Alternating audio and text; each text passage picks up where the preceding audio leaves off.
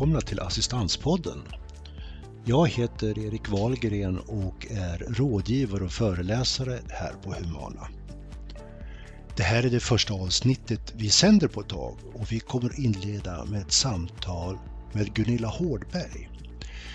Gunilla har en helt fantastisk historia att berätta, både om hur hon blev, som hon säger själv, funkis och hennes resa med personlig assistans. För hon har varit med från den allra första början. Det här samtalet spelades in via Teams över dator hösten 2021. Så därför kan det finnas lite skavanker i ljudupptagningen. Men ni kommer att ha ett stort nöje av samtalet ändå, så välkomna och mycket nöje. Gunilla, välkommen! Tack så jättemycket, det här ska bli trevligt. Vi ska försöka göra en liten resa här eh, på lite vem du är, där du berättar lite om dig mm. själv.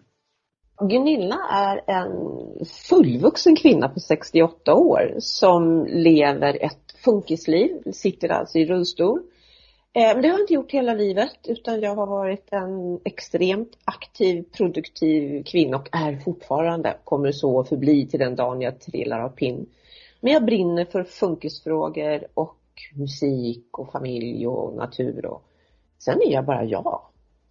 Och det räcker långt. Jag tycker det är en fantastisk början, att man bara är den man är. Jag skulle vilja säga så här att varför gör vi de här frågorna? När jag har pratat med dig tidigare och det vi har sett utav dig så har du så mycket som är viktigt att förmedla utåt. Mm. Men ska vi backa bandet lite tillbaka? Du sa att du satt i rulle idag. Ja, Va, va, Varför gör du det? För att när jag var liten tjej, sex år gammal 1958, så fick jag polio. Och då var jag, blev jag helförlamad så jag låg i järnlunga och kunde inte röra en del av kroppen. Och höll på att flera gånger trilla av pinn på grund av att lungorna inte orkade med. Men jag hade turen och återhämtade mig efter ett par år och fick sviter i, bara i mitt högra ben och i min högra arm. Så sen levde jag som en som hade haft en släng av polio. En liten släng sådär. För att det var ingen som pratade med mig om att det kunde komma någonting sen. Så jag levde ett eh, friskt liv tills jag sen fick postpolio i mitten på 80-talet. Och då har det gått neråt successivt för det är progredierande. Så att nu lever jag ett liv i rullstol igen. Och med svaga armar och svag, har ingen funktion till benen och lite andningsproblematik och så. Men det funkar bra ändå, för jag har bra assistenter. Polio? Mm. Min pappa hade polio, men alltså jag vet ingenting om polio. Vad är det? Polio är ett mag-tarmvirus som vi fick i oss eh, vad, vad vet man egentligen inte. Det kan ha varit så att jag åt ett smittat äpple eller åt lite snö, någonting sånt. Men det går in i mag-tarmen och det går upp i ryggmärgen. Och det som händer är att det kokar, man får så hög feber så det kokar i ryggmärgen och det förstör någonting som heter framhornceller. Och framhorncellerna, det är de som styr vårt åldrande. Och när de här dör i den akuta fasen, då blir man förlamad. Man kan inte andas, man kan få hjärninflammationer, många sideffekter och ben och armar blir lite förvridna beroende på hur mycket musklerna angrips. Jag minns så väl att jag hade förkylning, jag hade feber och jag skulle gå upp på natten för att gå på toaletten och ramlar ihop utanför toadörren. Så min pappa lyfter upp mig och tar in mig till sängen och börjar massera benen för vi trodde jag hade väl somnat. Och ställer upp mig igen och så faller jag igen. Och där någonstans så började mina föräldrar förstå att det här är något fel. Så sen, det jag sen minns det är att det kommer in en stor man med vitt skägg i en vitgrå rock och jag tyckte han var en demon i min värld. Och han undersöker mig och så hör jag någonstans i bakändan att jag måste in till sjukhuset. Sen minns jag ambulansen och sen minns jag att jag helt plötsligt var bortsliten från mina föräldrar in i ett isoleringsrum. Och massor med människor som höll på och drog och slet och tog prover i ryggen och Sen så har jag väldigt, väldigt svaga minnen fram tills att jag vaknar upp i en stor järnmaskin där jag inte ser någonting annat än en spegel ovanför ögonen. För det var det enda, jag är ju inkapslad som i ett tillslutet solarium. Det är bara en järnmaskin som pressar luft på lungorna. Pressar och släpper, pressar och släpper.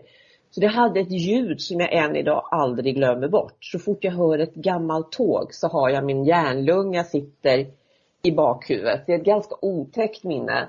Eh, som man aldrig vänjer sig vid konstigt nog. Men det jag minns är då när jag tittar upp i den där spegeln och ser konstiga saker omkring mig och jag förstår ingenting. Och 1958 så var det inte så att man pratade med barn. Inte på det sättet som man gör idag. Så jag insåg inte att jag var sjuk förrän kanske en eller två veckor efteråt. Eftersom jag också fick hjärninflammation så kom jag ut och in i medvetslöshet. Så jag fattade nog ingenting. Och sen var jag ju isolerad ifrån föräldrar och allting under nästan sex månader. Polio på den tiden var skam. Det var väldigt mycket skam i att man i en familj fick polio. Det var som om familjen i sig var oren, så mina föräldrar pratade inte om polio utan, utanför familjen. För då blev de lite pest, lite para. Ja, eh, jag sa att min pappa är ju, han är ju äldre än du, han är ju född på 30-talet min pappa. Men han och hans bror fick, det här var väl en alltså det var väl väldigt vanligt med polio, det var väl massor med människor som fick, eller hur? Hur var det? Ja, oh ja, det var många, många som fick och det, polion höll på från 43. Eh, den intensiva smittan höll på fram till 53. Sen var det några små tillbakagångar och jag var bland den absolut sista som fick i Sverige under epidemin 58. Men folk, de dog som flugor. Men varför var det någon skam eller någon, någon sån där skäm, skämmas kring det här? Genom att det var så många som fick, förstod man in, vad, vad kopplar man det till? Jag vet inte riktigt vad man kopplade det till. Det har varit många som säger att det hade med själva smittan i sig att göra, att folk fick för sig att man i familjen var oren. För att en, i en familj kunde alla få utom en. I en annan familj så var det bara en som fick som jag i våran familj. Eh, och det fanns ju en annan samhällsmentalitet. Allting som var annorlunda, det skulle man ha bort. Det var inte acceptabelt. Funktionshinder överhuvudtaget var inte acceptabelt och inte sjukdomar heller. Man ville ju inte heller bli smittad och ingen visste väl hur länge smittade jag, hur länge smittade andra människor. Och det gick ju som en pest under många, många år.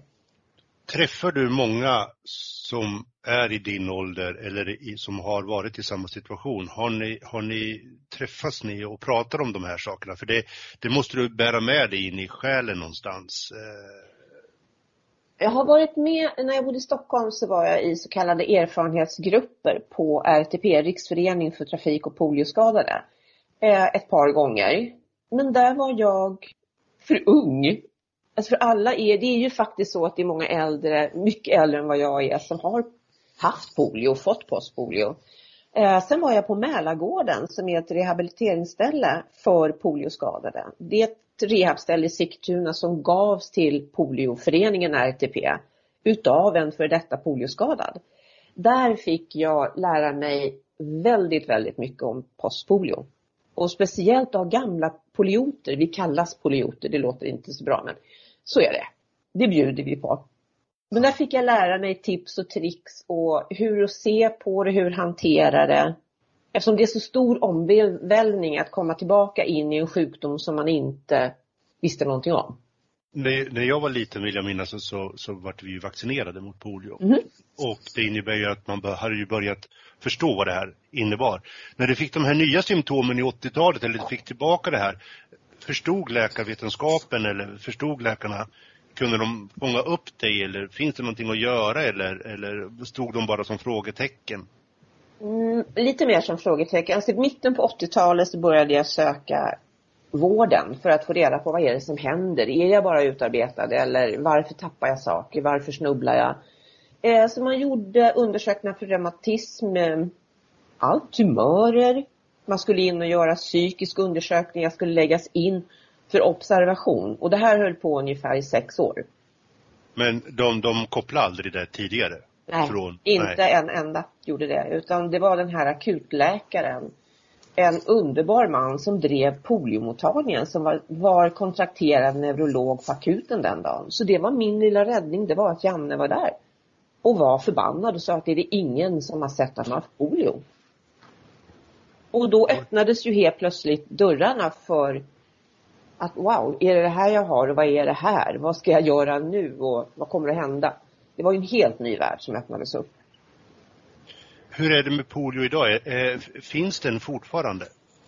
Ja. Får folk polio i Sverige eller utomlands eller är det för att vi är vaccinerade som vi klarar? Hur ser det ut? Vaccinationerna i Sverige är ju jättebra. Det var ett nytt fall 1998 tror jag det var, 98 eller 99. Och det var, alltså av religiösa åsikter så gav man inte vaccin till barnen så barnet fick polio när det var sex månader gammalt. Men nu kommer det in polio med den invandring som kommer. De flyktsökande har med sig polio. Så de måste också ha vården för postpolio. Men i världen så finns det fortfarande vissa länder som inte är fullvaccinerade. Och nu efter coviden så ökar det tyvärr. Så det är en epidemi som är lite stigande i vissa länder. Jag träffar ju många människor som har olika funktionsvariationer i mitt jobb genom att jag är ute och föreläser väldigt mycket om, om lagar och regler kring eh, det som heter LSS-lagen som vi ska komma in på alldeles strax. Eh, det här är kanske en, en dum fråga, men, jag ställer den ändå. Eh, när jag träffar personer så säger de att jag skulle inte vilja vara utan det jag har eller det som har drabbat mig eller den sjukdom eller skada som jag har, för den har gett mig så mycket. Eh, hur ser du på det sättet att tänka utifrån att man har råkat ut för en sjukdom eller skada och haft nytta av det i den person man blev? Så jag nödgas hålla med om det, för det, jag tror att jag har format mig till den jag är. Uh, om inte jag hade slagit, jag, jag kan ju inte säga om jag inte hade fått slåss som jag har gjort, att jag inte hade blivit en effektiv, pro, produktiv person. Men jag tror att det faktiskt har gett mig väldigt mycket seende för att se andra. Det har gett mig en enorm lyhördhet och det har gett mig någon konstig radar på att hitta vart jag ska gå och var jag är behövd. Och det, så att jag har nog plockat ut det goda ur allt det där onda som har varit och så har jag lyckats förvalta det. Så det finns en poäng i att man, man, man kan få ut något gott utav det som är ont. Det leder mig till en annan tanke. Jag håller på att titta på en utbildning om det här att flytta hemifrån när man är tonåring och har en mm. funktionsvariation eller funktionsnedsättning att bryta med sina föräldrar, att revoltera.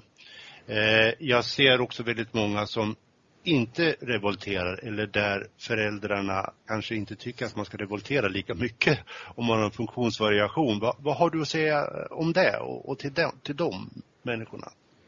Det där är så jättesvårt för att de här ungdomarna måste också få revoltera. Men som förälder så har man den här beskyddarinstinkten i sig. Och den är dubbelt så stor när man har ett barn med funktionsnedsättning. Och det, det förstår jag. Och det man gör det är att man bakar in det här barnet i en kokong. Och man glömmer att öppna upp den när hormonerna börjar stiga, det här stackars barnet. Som kanske vill ut och tjuvröka, ut och träffa polare, ut och titta på tjejer eller killar.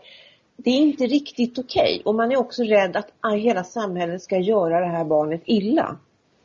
Och någonstans så tror jag att vi som vuxna och samhället måste hjälpa de här föräldrarna att våga släppa greppet. För det går att släppa greppet ihop med assistenter. Det är okej att vara funkis och gå ut och tjuvröka men man ska inte göra det med sin mamma som assistent eller med sin pappa som assistent. Eller att ta sina första stapplande steg på krogen om man ska gå ut och träffa tjejer eller killar. Det ska man göra med sin assistent i sådana fall. Som privatperson, inte som ett barn när man hör dig berätta så, så, så ser man framför sig en väldigt stark kvinna som är, du sa du revolterade, du gjorde saker och ting. Eh, försvann det under de här åren? Eh, det här jäklar anammat, eh, vart tog det vägen under de åren när du insåg att du vart en funkis? Jag tror att det var så att den, den fanns kvar där och den, om det kom, jag hade ju bara hemtjänst de första åren och de fick jag ytterst lite timmar i veckan. Då var jag presenterade jag nog den här starka, normala, glada, effektiva Gunilla. Eh, men när jag var för mig själv, då var hon nog framme den här svaga lilla individen. Men jag vågade inte ta fram till fullo för det var ingen som kunde hjälpa mig att bearbeta det. Och jag var så van att vara instängd. Och då är det så farligt att öppna upp, trodde jag. Då är det livsfarligt att öppna upp och spräcka upp den här lilla nöten. Vad skulle hända? Skulle jag bli en blöt fläck? Så då la jag in det igen. Så kapslade jag in mig i det. I ryggsäcken igen? Mhm. Innebär det här lite att du säger till oss att vi som har personer med funktionsvariationer i närheten och kanske umgås med eh, är lite för tassiga och inte säger att nu får du skärpa till det, nu, nu gör vi det här roliga för att man, man är jag tror att man kan vara väldigt rädd för att såra eller att gå över gränsen, men är vi för fega? Ja, enkelt svar ja. Man är rädd för att såra. Man är rädd för att säga något som kan skapa en konflikt. Man är rädd för att man inte förstår. Men jag tror det bästa sättet är faktiskt att säga, jag förstår inte det du går igenom. Men jag kan försöka förstå och jag kan hjälpa dig att ta ett steg vidare. Men då kräver jag det här i gengäld. Ge mig så ger jag dig. Ska vi vara lite tuffare och eh, våga eh, ställa samma frågor som vi gör till eh, vem som helst? Annars Ja. Absolut. Nu, nu hänger du ska på, du, du är en mes, häng på här nu. För Du ska Mm. inte sitta hemma och ha, och ha tråkigt utan följ med oss ut här nu. Ja, absolut. För det gör ju att saker och ting normaliseras. Ställs det krav på mig som funkis att jag faktiskt har samma rättigheter men också samma skyldigheter som alla andra. Då vågar jag ju ta det där steget, men jag kanske inte vågar ta det själv. Jag kanske måste få någon som sparkar mig lite i baken och som också vågar säga att jag förstår inte dig. Jag förstår inte vad du går igenom. Men jag kan stötta dig, jag kan försöka förstå. För det är absolut det viktigaste. Jag som funkis kan säga till någon annan människa i rull att lägg av, du kan inte bete dig så här. Skärp dig, gå ut, gör någonting. Men jag vet ju vad personen går igenom. Jag sitter själv i stol. Och då äger jag på något sätt, jag är i samma område, jag vet vad jag pratar om och det är lättare att ta mig på allvar. Du beskriver dig lite själv, eller jag kan uppfatta lite att du beskriver dig lite som funkis. Är det viktigt att personifiera sig lite som funkis delvis? Eller tvingas man in i den rollen eller ska man låta bli att se sig som funkis? Hur ser du på det? Eh, jag tror inte man ska ta bort att man är funkis, för då suddar man ut det problem man har. Det, det är vi säger emellan varandra att vi är funkisar. Det som punkarna säger att de är punkare, det är, det är en identitetsgrej. Pratar jag funkis med andra funkisar så vet alla vad vi pratar om. Eh, nu börjar det också bli så att samhället faktiskt kan använda ordet funkis. Det är lite avdramatiserat. Man behöver inte säga funktionsnedsättning, funktionsvarianter och etc. etc. utan funkis. Det är så mycket enklare, det tar bort tabun. Kan jag är använda funkis? Ja och nej. Alltså eh, som en natur för att beskriva någonting eller? Jag tycker att du kan det eftersom du jobbar med det du jobbar med. Du jobbar i funktionshindervärlden och då tycker jag att man kan det. Eh, mina assistenter kan absolut använda funkis. Eh, jag tycker man ska kunna använda funkis även rent socialt ute i media. Men så bara du har lagt in vad det står för. Att man får det här att bli någonting som är normalt. Det här är den gruppen av människor som har fysiska och psykiska nedsättningar, funktionsnedsättningar. Det är en funkis. Det blir så avdramatiserat med funkis.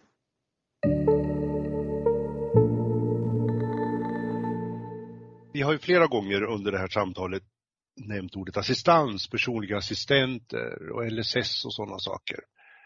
För mig och dig också Gunilla som är i den här världen kan man säga med funkisen så är det väldigt naturligt. Vi, vi vet vad det är, vi förstår vad assistans innebär men jag tror att många av våra lyssnare som kanske inte har någon koppling till det vi har pratat om funkisar och funkisvärlden och assistans har ingen aning. Men det här börjar ju någonstans. Du sa att när, när du fick din postpolio så hade du hemtjänst. Mm.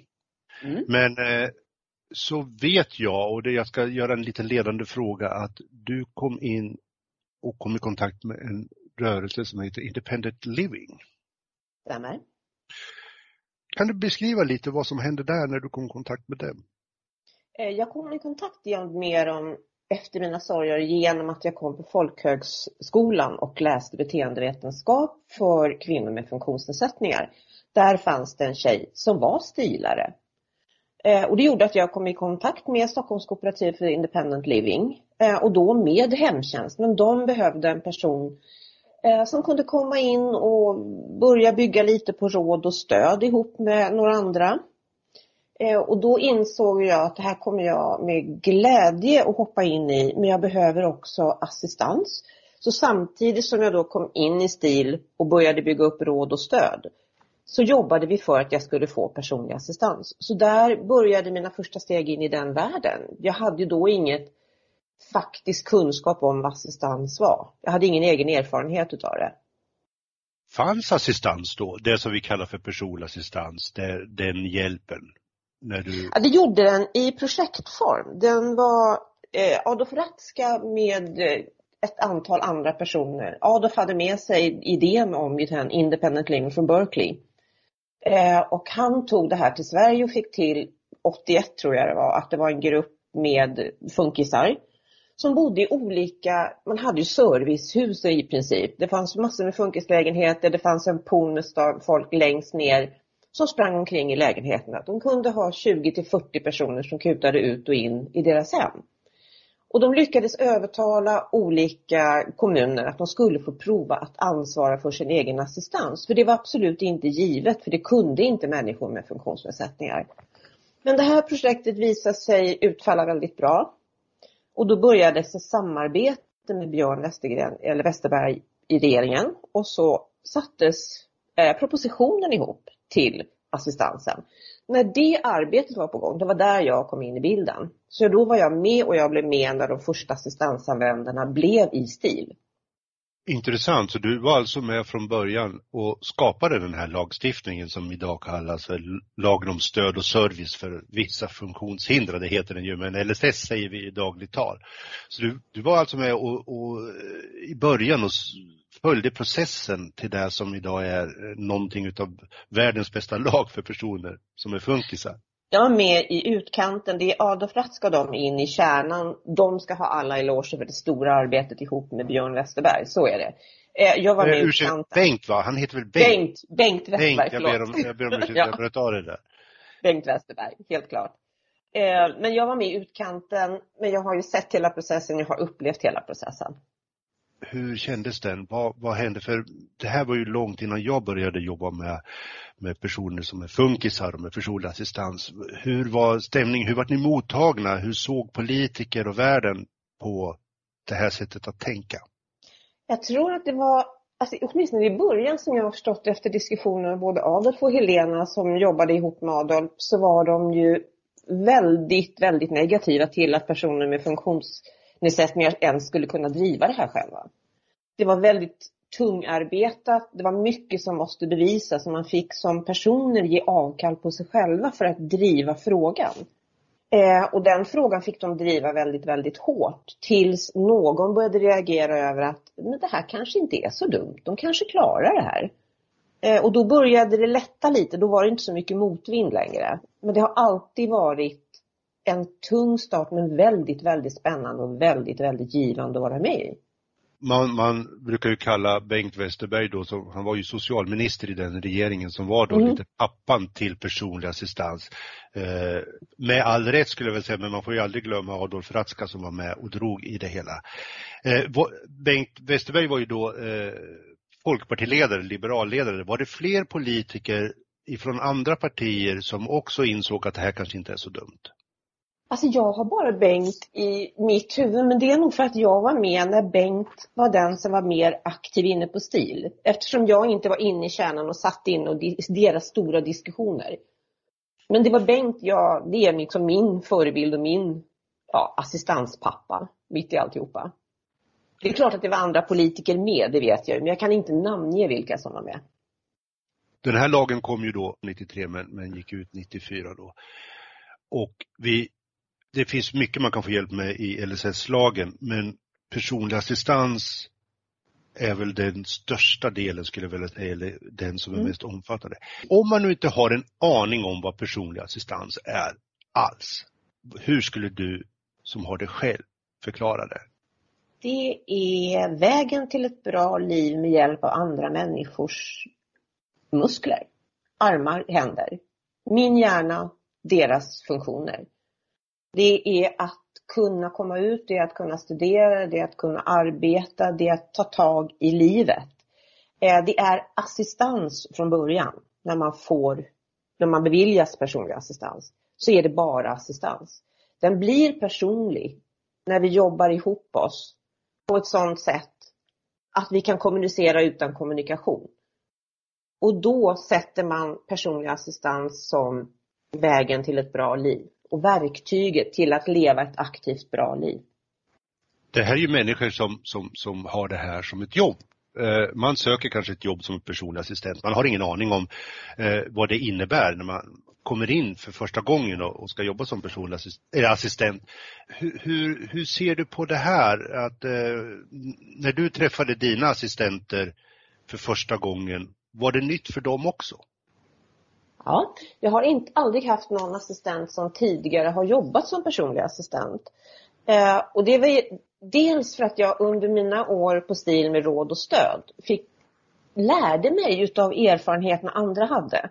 Att det nästan var bättre för ingen hade förutfattade meningar om vad man skulle göra hemma hos mig. Och där jag har så otroligt stor känsla för integriteten kring mig själv så det blev en viktig del för mig. Så det här är någonting som jag tar upp i anställningsintervjuer. Eh, och tillsammans så lyckas, måste vi sen forma vad assistansen är. För assistans är inte bara en sak, det är ju så ofantligt mycket. Det är ju allt ifrån att de ska ta på mig och utifrån duschen ska vi sen gå och sätta oss och diskutera kring någonting som kanske inte fungerar eller en konflikt som håller på att blossa upp. Det eller vi ska gå ut och gå, det är klippa gräsmattan. Det är liksom, de är allt. De är kockar, de är massörer, de är påklädare. Det är rena teaterskådespeleriet de får göra. De skulle ha ett CV som är enormt. Första gången man tvingas duscha ihop med någon annan är extremt jobbig. Extremt jobbig. Så jag fick på något sätt bara, bara, jag fick slänga mig ut handlöst ut i luften och hoppas på att det här kommer att funka. Jag var livrädd. Hon var livrädd.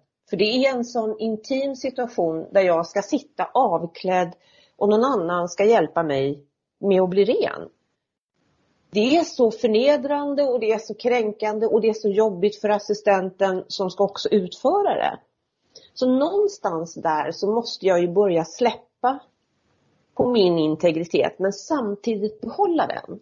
Och det gör jag ju genom att vara väldigt noga i mitt mitt pratande och min instruktioner till assistenten att jag vill att du hjälper mig att duscha, men du ska inte studera mig. Jag vill att du hjälper mig att duscha, men du ska inte kommentera hur jag ser ut. Det här det gäller ju att bygga upp en respekt för att ja, men min kropp ser ut så här. Och jag måste ha dina händer. Men hjälp mig behålla min sfär. Så det är ett samarbete för att behålla integritet och gränser så måste vi hela tiden samarbeta. Det är jättesvårt och det är jättesvårt att förklara hur det är och hur det känns. Det är steg för steg så måste man in i olika områden. Det är en tröskel för varje nytt moment man ska göra. Så det kräver jättemycket energi. Det kräver jättemycket eftertanke och det kräver att man faktiskt gör lite övergrepp på sig själv ibland. Mitt privata det får jag nog när jag stoppar i ett par lurar i öronen och lyssnar på musik eller en god bok. Eller när jag åker till Joy Voice och sjunger eller gospelkör eller går in i naturen och stänger av. Jag måste mentalt lära mig att stänga av men jag måste också faktiskt ha assistenter omkring mig som förstår att nej men nu ska jag backa lite för nu behöver Gunilla vara i fred. Och då får jag lära mig att men nu är jag ensam fast jag vet att det finns en person till omkring mig. Och min assistent får lära sig att jag är viktig fast jag inte sitter exakt sidan om och hjälper till. Och där hittar jag min påfyllnad. Jag får ta den i små bitar. Jag kan ju aldrig ta den en hel dag. Det finns ju inte. Det här med integritet, det, det jag hoppas att det är okej okay att jag ställer den här frågan, men när, när i, i duschsituationer och även många andra situationer där du måste släppa lite på din kroppsliga integritet. Mm. Går du bort ifrån, alltså, går du bort ifrån din kropp rent mentalt och eller är du där med kropp och själ vid de tillfällen eller låter du din kropp bli en tinget för en stund för att sedan komma tillbaka och vara Gunilla i en hel kropp och själ? Det, det, det kanske var en flummig fråga, men nej, förstår du hur jag, jag menar? Ja, jag förstår precis hur du menar. Eh, jag kan säga så här, med de assistenter jag har nu som har jobbat hos mig i nio år, där är jag Gunilla. Där är jag med, hela vägen. Eh, jag känner mig inte obekväm, ingenting. Kommer det in en timmis och jobbar så kan det vara så att jag väljer att inte duscha den dagen för att jag vet att jag har en ordinarie imorgon. För då vill jag inte jag vill inte utsätta mig för det. Det kanske låter jättekonstigt men då avstår jag från ganska många saker. Då vill jag bara få mitt liv att den dagen flyta på. Då vill jag ha det basala, jag vill få tillgodosett de absolut basala grejerna. Och sen får resten vara till dagen därpå. Och det är helt okej okay för mina ordinarie tjejer att det blir så. Nio år har du haft dina assistenter. Det är väldigt lång tid oavsett vilket jobb man än har. Att jobba nio år. Eh, sen är vi en del som har jobbat längre på, på sina arbetsplatser. Men det är ju väldigt lång, lång tid ändå. Här har det väl varit en enorm resa upp och ner och eh, konflikter och eh, hur har åren varit? Precis som du säger, upp och ner om berg och dalbana. Eh, alltså jag har nog haft tur för att jag har aldrig haft assistenter som har varit kortare perioder hos mig. Och det handlar om att jag jobbar med kommunikation. Jag kommunicerar, kommunicerar, kommunicerar. Eh, jag gör personalmöten där vi diskuterar etik, moral, gränsdragning, vad som är okej, vad som inte är okej. Vi gör roliga saker ihop. Eh, vi har också varit i situationer där det har varit extremt jobbigt extremt jobbiga saker. Jag har haft assistenter med mig när min far dog. För att jag är tvungen. Och det är en så absurd situation för en assistent att vara i. Den är helt galen. Och då måste jag någonstans, där tvingas jag ju ställa mig utanför mig själv till viss del. Och ta hand om den här assistenten som måste jobba. Och det är ju en kris att gå igenom och tar man inte hand om den krisen direkt efteråt så försvinner vi ju från varandra. Så hela tiden får jag arbeta med att släppa lite, dämpa lite, prata lite mera. Dels för att undvika konflikter, för är man rak och tydlig så blir det inga konflikter, det blir inga trauman. Men det kräver mycket av mig och det kräver mycket av mina assistenter.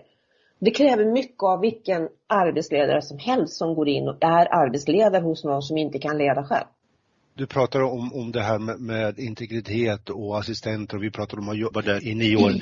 Jag träffar ju väldigt många som är i processen att få personlig assistans eller precis har fått rätten att få mm. en personlig assistans och kanske för första gången ska börja med en personlig assistent eller eh, titta på anställda personliga assistenter. Skulle du kunna ge något råd hur man går in i det här? Det är ju jättesvårt för det är ju personligt utifrån varje människa, men, men något allmänt råd. Var ska man ha blicken? Var ska man ha sitt eh, medvetande i det här när man får personlig assistans? Du menar i själva processen med att anställa?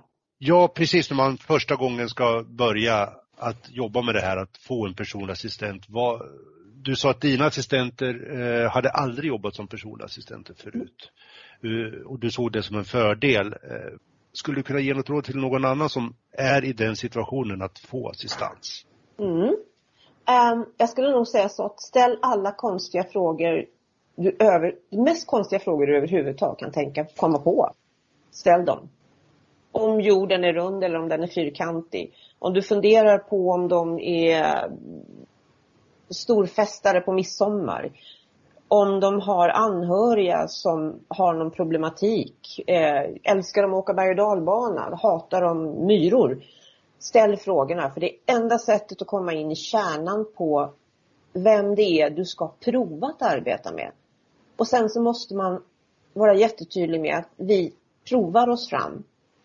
Vi måste känna på varandra. Vi måste försöka kommunicera och se om vi klickar och det vet vi inte förrän vi har gått intro eller vi kanske har jobbat, hoppat in några pass och arbetat.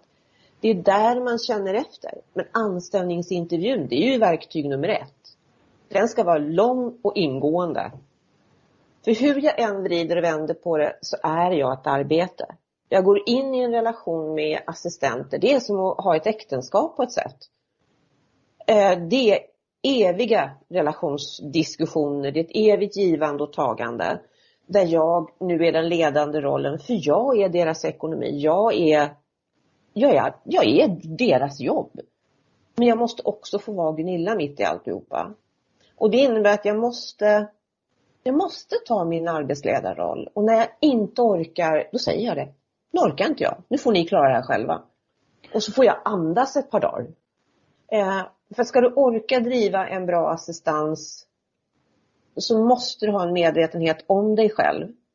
Vad man orkar med, vad man inte orkar med. Och man måste kunna säga att nu behöver jag hjälp. Jag har precis nu eh, en kvinna som har jobbat hos mig i nio och ett halvt år som har tvingats sluta utav hälsoskäl. Och det är en jättestor och svår, tung process. Det är en sorgeprocess att förlora en människa efter så många år. Och samtidigt som man förlorar den människan som har varit med en så nära i så många år så ska man ha in en ny. Som ska ersätta henne. Det kan aldrig bli, man kan inte ersätta en person men hon måste kunna vara, måste kunna leva upp till det som jag vill ha. Så den processen är vi i nu. Och det är, jag har varit med om tidigare att assistenter det har varit sjukdomar där assistentens barn har varit jättesjuka i månader och vi har fått backa upp på varandra och stått i situationer där jag känner att nu har jag gungfly under julen. Alltså nu kommer jag sjunka snart för jag har inte assistenter så räcker.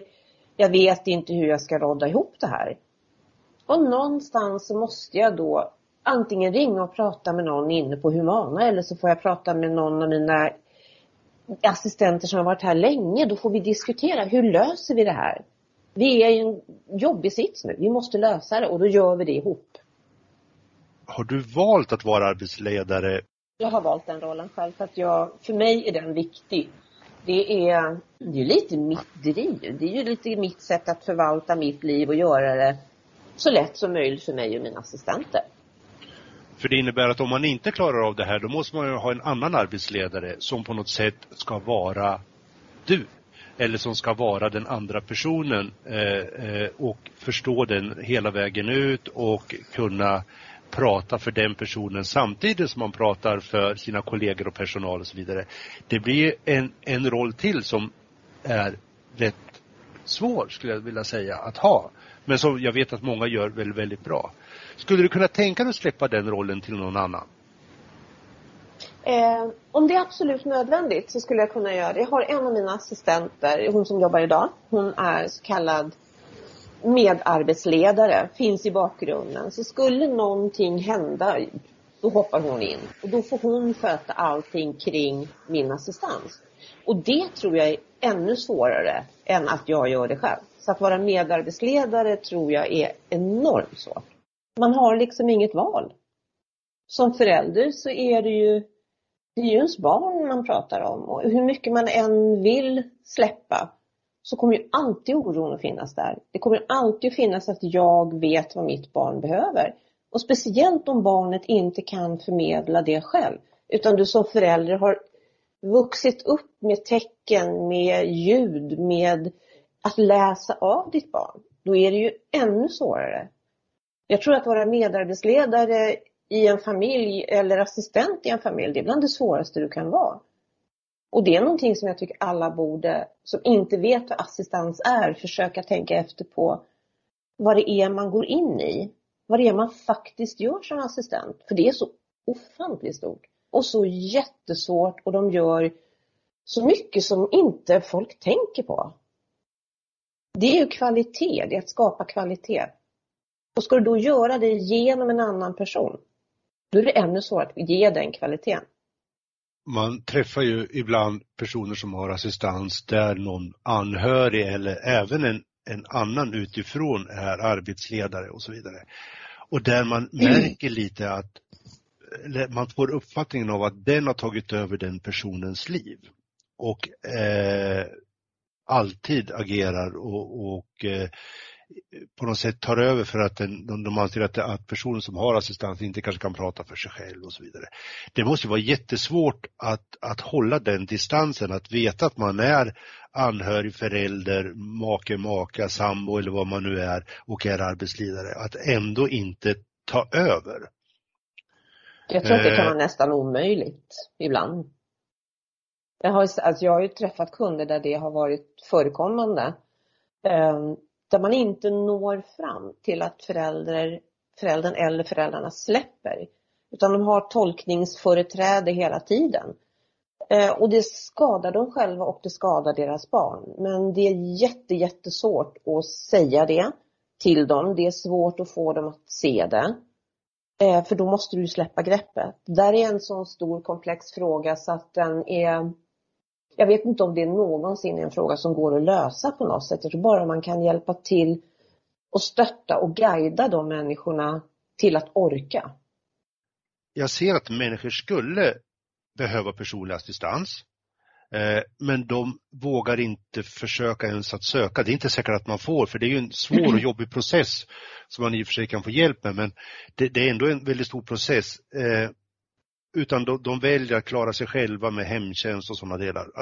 Är det värt det? Är det värt alltihopa? Ska man våga ja. kasta sig loss? Ja, det ska man. Det jag önskar att alla kunde få det stöd på den vägen. För den resan är lång, den är svår, den gör ont, den är förnedrande, den är kränkande. Um, där skulle jag önska att det fanns något teamsystem som kunde hjälpa människor igenom det. För jag tror att många knäcks på vägen utav alla motgångar innan du kommer fram till att du får assistans. Det är ju inte säkert att du får, men om du får det. Um, och det är för att det är så tungrot. Och du blir så ifrågasatt. Och då är det nästan lättare ibland att säga, nej, jag tar hemtjänst, jag struntar i det här. Men då innebär ju det att du ger upp ditt liv.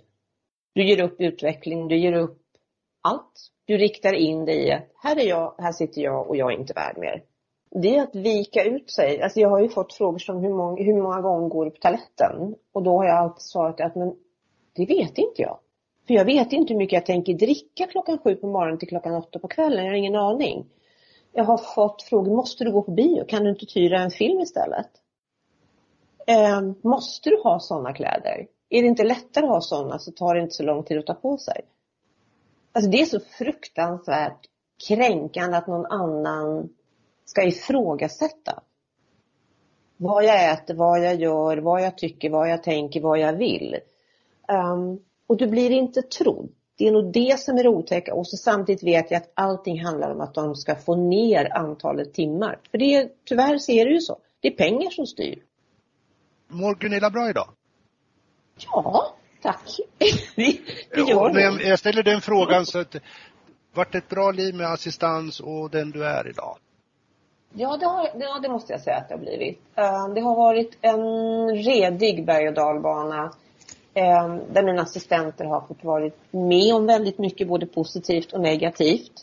Uh, vi har kommit igenom de negativa sakerna och gjort på något sätt blivit ännu starkare ihop, vilket inte hade varit givet alls ett tryggt team.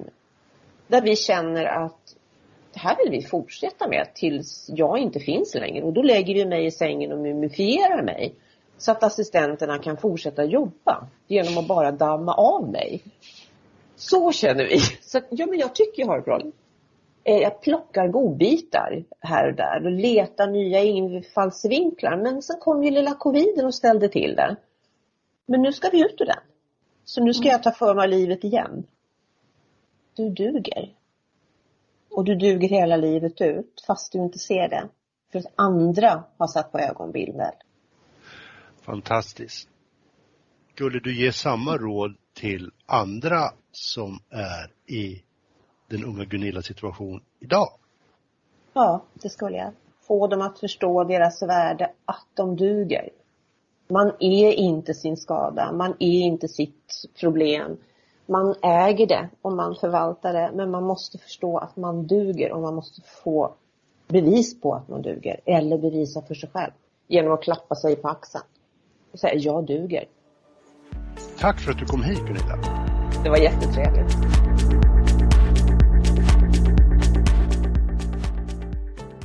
I nästa avsnitt av Assistanspodden ska vi prata med en jurist som visar att det går att förändra tolkningen av LSS-lagen och personlig assistans.